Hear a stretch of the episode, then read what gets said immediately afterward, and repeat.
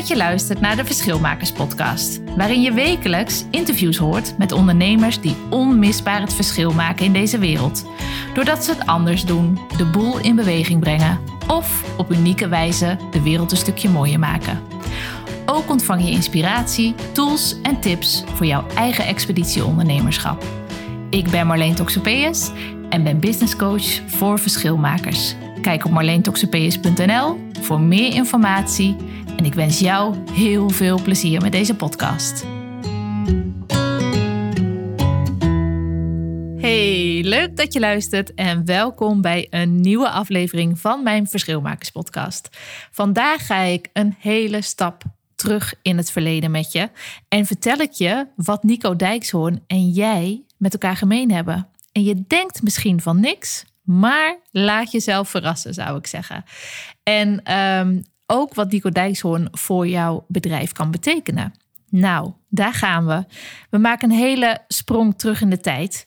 En ehm, ik hoor in mijn oor toeteren de regisseur die door het kabeltje in mijn oor binnenkomt en die zegt: Marleen, kun jij die kale man van de tweede rij even verplaatsen uit het zicht van de camera?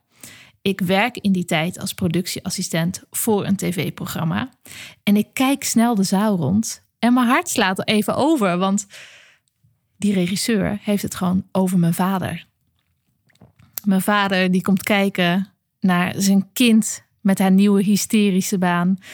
En ja, hysterisch, dat was het wel, want dat blijkt wel uit deze reactie van die regisseur. Waar gaat het over? Maar ja, alles voor de kijkcijfers. Uiteindelijk heb ik mijn vader wel verplaatst trouwens. Nou, het is 2003 en aan de tafel zitten René Mioch, Isa Hoes en uh, Nico Dijkshoorn. En het is een nieuw filmprogramma wat we aan het maken zijn en het heet Café Hollywood. En uiteindelijk wordt het ook geen succes. Het is mijn tweede baan en ik heb net een super cool project afgerond, namelijk als productieassistent bij het Koninklijk, oftewel Nationaal Huwelijksfeest. Ja, ja. Ik praat er eigenlijk bijna nooit over. Want ik vind, ja, ik ben natuurlijk een uit de Groninger, Groninger klei getrokken filosoof. en um, in Groningen wordt snel iets als pochen of als opscheppen gebruikt. En ik denk dat ik dat altijd een beetje met me meegedragen heb. En daarom niet heel erg uh, vertel over wat ik allemaal voor mooie, gave dingen gedaan heb in het verleden. Maar mijn eerste baan was dus als productieassistent bij het Nationaal Huwelijksfeest. Dat was niet uh, op 2 februari, dus niet het huwelijk zelf van Willem, Alexander en Maxima, maar het huwelijksfeest in de Amsterdam Arena de avond ervoor. Super gaaf, allemaal wereldleiders, Nelson Mandela in de zaal, Prins Charles en nog allemaal andere wereldleiders. Maar ook 50.000 Nederlanders die wel met iets van, nou volgens mij 600 of 650 bussen aankwamen. Die allemaal gebomcheckt moesten worden. Uh, we hadden 250 medewerkers uiteindelijk. Want eerst waren we met een team van vijf die het gemaakt hebben. En uiteindelijk op de dagen zelf dus 250 medewerkers. 14 fanfares waren er. 40 showdansers. Wel 30 van de beste Nederlandse zangers. En ook 125 walsdansparen. Dat waren studenten van allerlei studentenverenigingen. Echt super gaaf. Nou, en het werd allemaal opgenomen, dus er waren ook 12 camera's. En uiteindelijk hadden we 4 miljoen kijkers. Nou, dat was pas iets om hysterisch over te doen. En um, dus, hey regisseur, laat mijn vader met rust met zijn kale kopie. Maar ja, ik heb hem uiteindelijk wel verplaatst. Dus dat uh, zegt meer over mij misschien wel dan over de regisseur. We gaan weer terug naar die opnames van het tv-programma, waar Nico Dijkshoorn een van de filmcommentatoren is.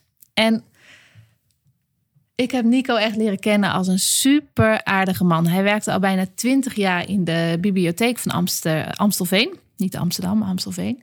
En hij had al uh, verschillende pogingen gedaan om door te breken als uh, schrijver, poëet. Nou, het is gewoon een creatieve duizendpoot ook. Dus op meerdere manieren had hij al geprobeerd om door te breken. En dat was nog niet gelukt. Maar nu zat hij aan tafel als filmcommentator. En als je Nico Dijkshoorn een beetje kent, dan was dat een beetje op een sarcastische, ironische, satirische manier. Uh, de manier waar hij nu zo bekend voor is. Maar helaas toen was het publiek nog niet helemaal klaar voor hem. En dat bleek wel uit de reacties rondom het programma. En eigenlijk is dat feit nog niet eens zo interessant, want tada, Nico Dijkshoorn is nu echt al, nou, elf jaar of zo vaste gast in de wereld rijdt door. En dat is nog maar één van de dingen die hij doet, deze creatieve held. En wat zo interessant is hieraan, is: was het publiek niet klaar voor hem? Of was het wat anders? En is het wel zo dat het publiek nog niet klaar voor Nico was? Wat denk jij? Nou, ik denk dat het onzin is. Ik geloof dat het publiek zeker al wel klaar was voor hem. Maar dat de vorm waarin hij gepresenteerd werd en uh, waarin hij zichzelf dus ook presenteerde, niet paste bij de Nico die hij is en die hij wilde zijn. En daardoor kon hij zich niet helemaal laten zien. Hij kwam niet helemaal tot zijn recht. En dit is een aanname van mij. Misschien heeft hij ook wel de kans van het televisieprogramma gegrepen vanuit hoop in plaats vanuit vertrouwen. Maar dat is een aanname. En als nieuwkomer, en dit is ook een aanname, is mijn tweede aanname, stond hij wellicht minder op zijn strepen dan hij nu doet bij de redactie van programma's. Ik bedoel, de televisiewereld is best wel overweldigend. En uh, ik kan me voorstellen dat als je daar nieuw in bent en nog niet precies weet welke richting je zelf op wilt met je image, dat je, nou ja, dat je minder op je strepen staat dan dat hij nu zou doen. Als hij heeft nu ervaring. Hij weet nu wat hij uh, kan maken en breken. Overweldigend dus die televisiewereld. Net zoals ondernemersland voor nieuwe ondernemers. Nou, nu is Nico een merk. Wat je ook van hem vindt, dat maakt niet zoveel uit in deze. Want hij weet waar hij voor staat en men weet hem daar ook voor te vinden. En het leuke is ook, het grappige is dat zijn imago heel erg uh, ironisch en, uh, en satirisch overkomt. Maar de man die ik heb leren kennen is juist heel aardig en uh, nederig en een hele vriendelijke, zachte man.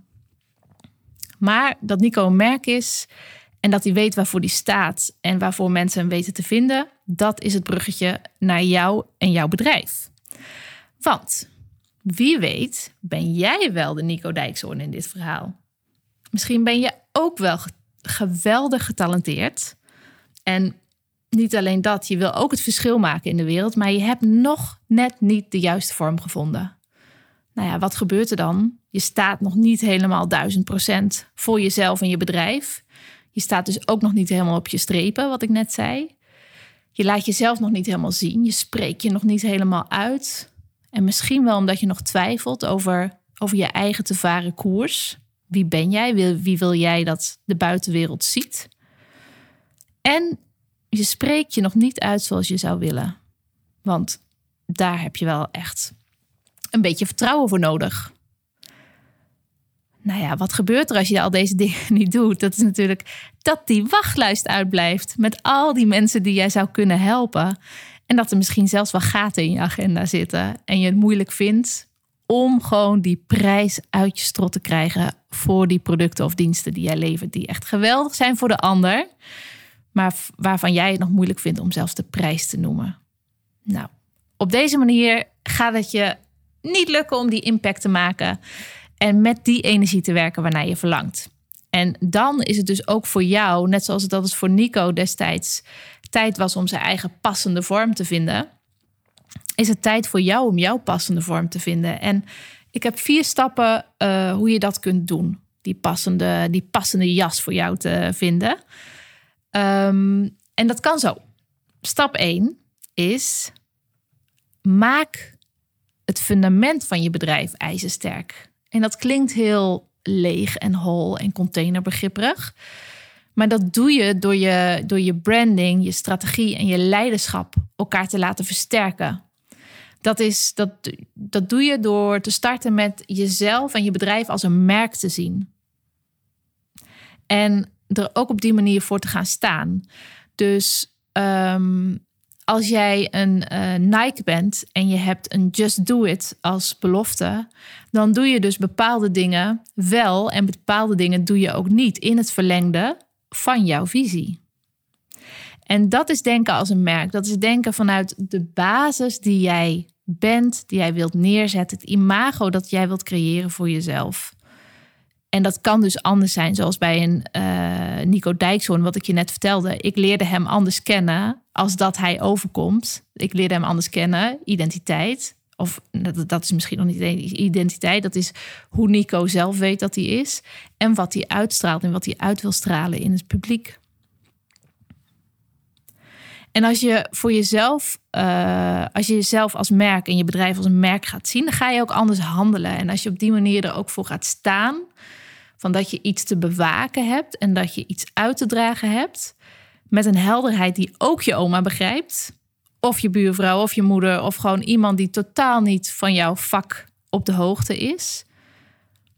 En dat fundament wordt helemaal afgemaakt als je ook nog leert omgaan met de uitdagingen die het ondernemerschap met zich meebrengt. En dat is dat leiderschapsdeel. Want het is nogal wat om alles gewoon in je eentje voor elkaar te boksen. Ik uh, had het van de week nog uh, met een klant erover. Die zei: Ja, wat ik gewoon het moeilijkst vind, is dat ik. Wat ook het, tevens het leukste is, dat je alles zelf kunt doen. Maar dat is tevens ook het moeilijkste. Je kunt niet even uh, hangen bij het koffiezetapparaat om daar allemaal mooie ideeën vandaan te halen als je even vastzit. Het is ook gewoon heel moeilijk. En als je die moeilijkheid kunt uh, wegnemen uh, voor een manier waar waarom je de, waarop je er heel goed mee om kunt gaan, nou, dan maak je dat echt ijzersterk als ondernemer. Dus stap 1 was: maak het fundament van je bedrijf ijzersterk. En dat is dus die branding, strategie en leiderschap elkaar te laten versterken.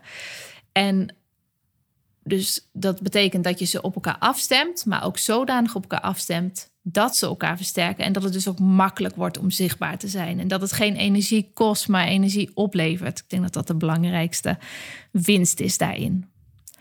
Nou, stap 2 is: doe iedere dag een stapje. En dat wil niet zeggen, absoluut niet zeggen, dat je geen, geen grote sprongen mag maken.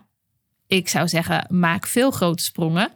Doe dat, doe dat gewoon. Maar blijf in beweging. Niet alleen naar je doel van vandaag, maar ook naar je lange termijn doelen.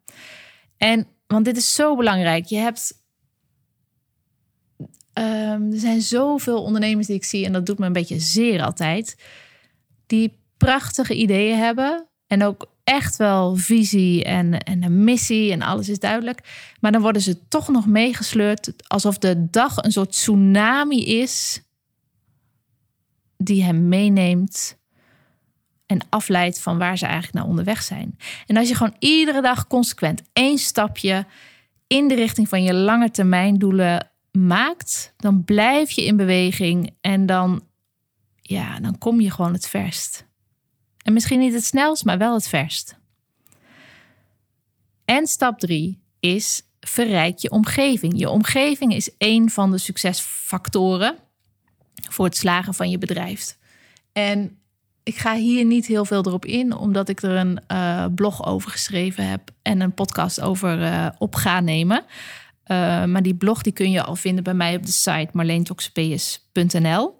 Dus verrijk je omgeving. Als jij ondernemers om je heen verzamelt of inspirerende mensen die de beste versie van jou in jou zien en die ook uh, jou kunnen helpen je daar te komen, dan is dat enorm waardevol voor, je, uh, voor jezelf en dus ook voor je bedrijf.